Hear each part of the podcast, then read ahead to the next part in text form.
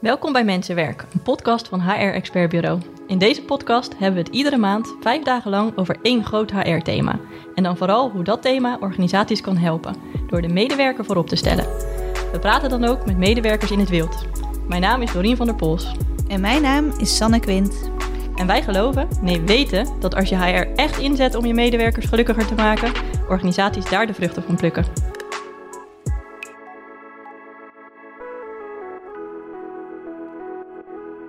De meeste arbeidsovereenkomsten die ik heb gezien zijn veelal uh, lange teksten, uh, meerdere pagina's, uh, minimaal 6, 7, met allerlei gedateerde formele taal, vol met, met boetebedingen en vrij ja, risicoavers vanuit advocaten opgesteld om nou ja, maar zo min mogelijk risico als werkgever te lopen.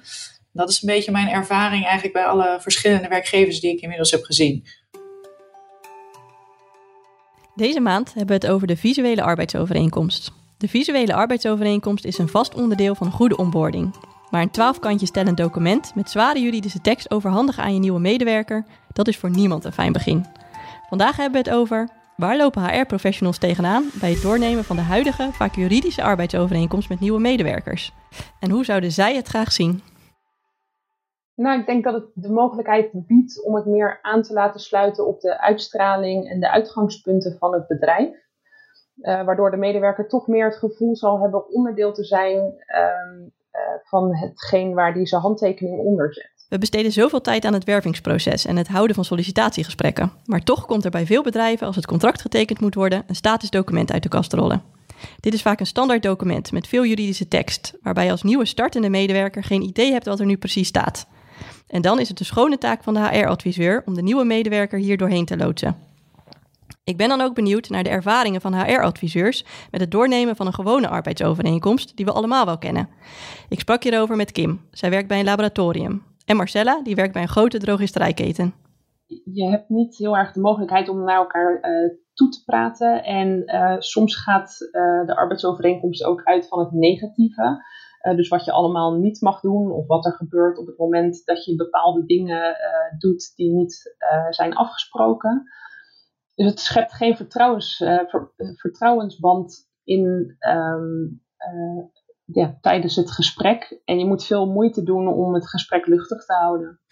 Ja, ik vind dat heel ingewikkeld, omdat daar, daar lek je echt wel een stukje energie, merk ik altijd. Om, eigenlijk ben je dat aan het doorworstelen. En ik merk dat ik dan altijd eigenlijk meer bezig ben met het liquideren van eventuele beren die op de weg zouden kunnen komen in de toekomst. In plaats van dat je eigenlijk enthousiast iemand verwelkomt, wat, wat je doel zou moeten zijn tijdens een gesprek. Uh, dus ik heb daar altijd wel wat moeite mee, ja. Marcella heeft moeite met het bespreken van zo'n standaardcontract. En als ik kijk naar mijn eigen ervaring, dan voel ik me bij het aanbieden van zo'n arbeidsovereenkomst vaak een beetje alsof ik nieuwe collega's bij het binnenhalen een beetje voor de gek heb gehouden. Je hebt erg je best gedaan op een goede onboarding. Je straalt uit een leuk en hip bedrijf te zijn. Maar wanneer je nieuwe medewerker één stap binnenzet, komt er een arbeidsovereenkomst van twaalf kantjes, droge en moeilijke tekst op tafel. Totaal niet in lijn met wat je probeert uit te stralen. Kim deelt die ervaring.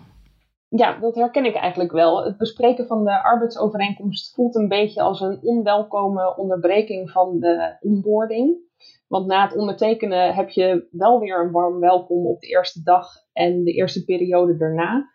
Maar tijdens het bespreken van de arbeidsovereenkomst, uh, ja, laat je dat eigenlijk een beetje los. Daarnaast is het vaak een eenzijdig verhaal over wat de medewerker moet doen en vooral wat hij niet mag doen tijdens en na zijn dienstverband. Kortom, niet echt een warm welkom voor je nieuwe medewerker. Daar heeft Marcella ook moeite mee.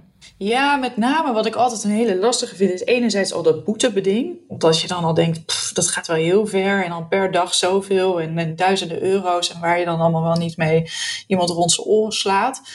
Uh, maar ook bijvoorbeeld het concurrentiebeding vind ik altijd een hele lastig om uit te leggen. Omdat je, ik ben altijd wel heel erg gefocust op, op ontwikkeling van mensen en werkplezier. En dat het ook van belang is uh, dat je daar veel aandacht aan besteedt.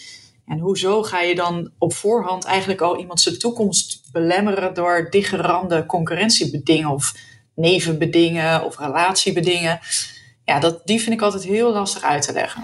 Gelukkig zie je steeds vaker een arbeidsovereenkomst 2.0 opduiken. Visueel met minder moeilijke tekst en gebaseerd op vertrouwen.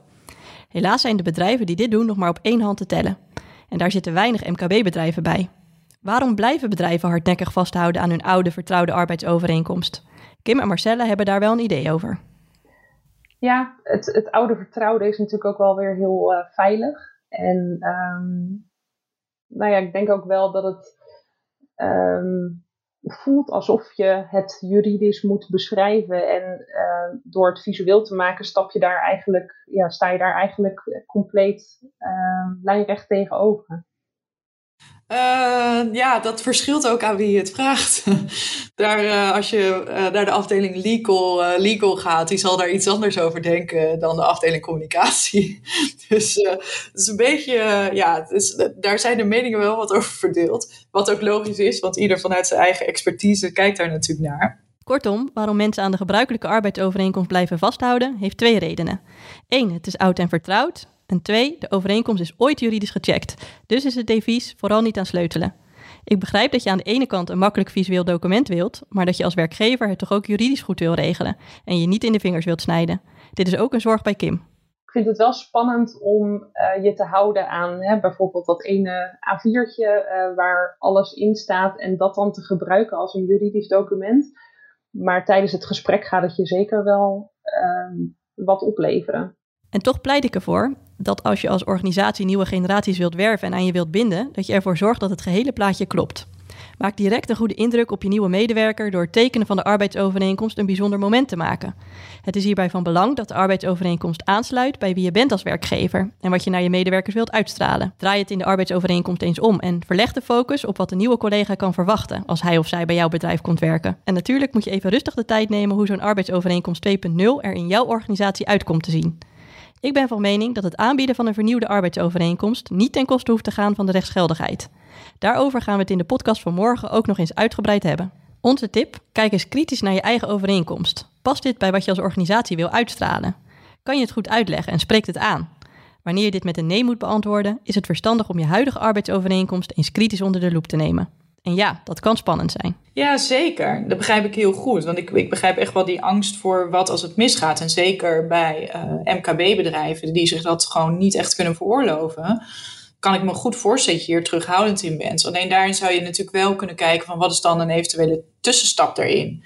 Dus door bijvoorbeeld al iets de taal iets informeler te maken of een goede begeleidende brief uh, die uh, al wat meer passender is bij je bedrijfscultuur. Dus je hoeft natuurlijk niet ineens, uh, nou ja, je ziet een aantal hele hippe initiatieven voorbij komen. Uh, je hoeft niet ineens die stap natuurlijk te maken. Je zou ook wel een soort tussenstap kunnen doen en daarmee langzaam wennen aan het idee. Dus zoals Marcella zegt, niet alles hoeft in één keer. Maar waar begin je? Kijk kritisch naar de tekst, herschrijf, verkort en maak visueel waar mogelijk. Dit maakt de tekst juist duidelijker en daardoor overtuigender. En laat uiteindelijk natuurlijk wel een juridische check doen, zodat je weet wat er wel echt in je arbeidsovereenkomst moet blijven staan wat je kan laten vervallen en wat je bijvoorbeeld in een cultuurboek kan opnemen. Op deze manier heb je een arbeidsovereenkomst die visueel in het oog springt, leesbaar is, juridisch dekkend is en ook past bij wat je wilt uitstralen. Vind je het lastig om hiermee aan de slag te gaan? Wij hebben het werk al voor je gedaan. Dus als je wilt, kan je morgen al een beknopte, meer visuele arbeidsovereenkomst aan je nieuwe medewerkers aanbieden.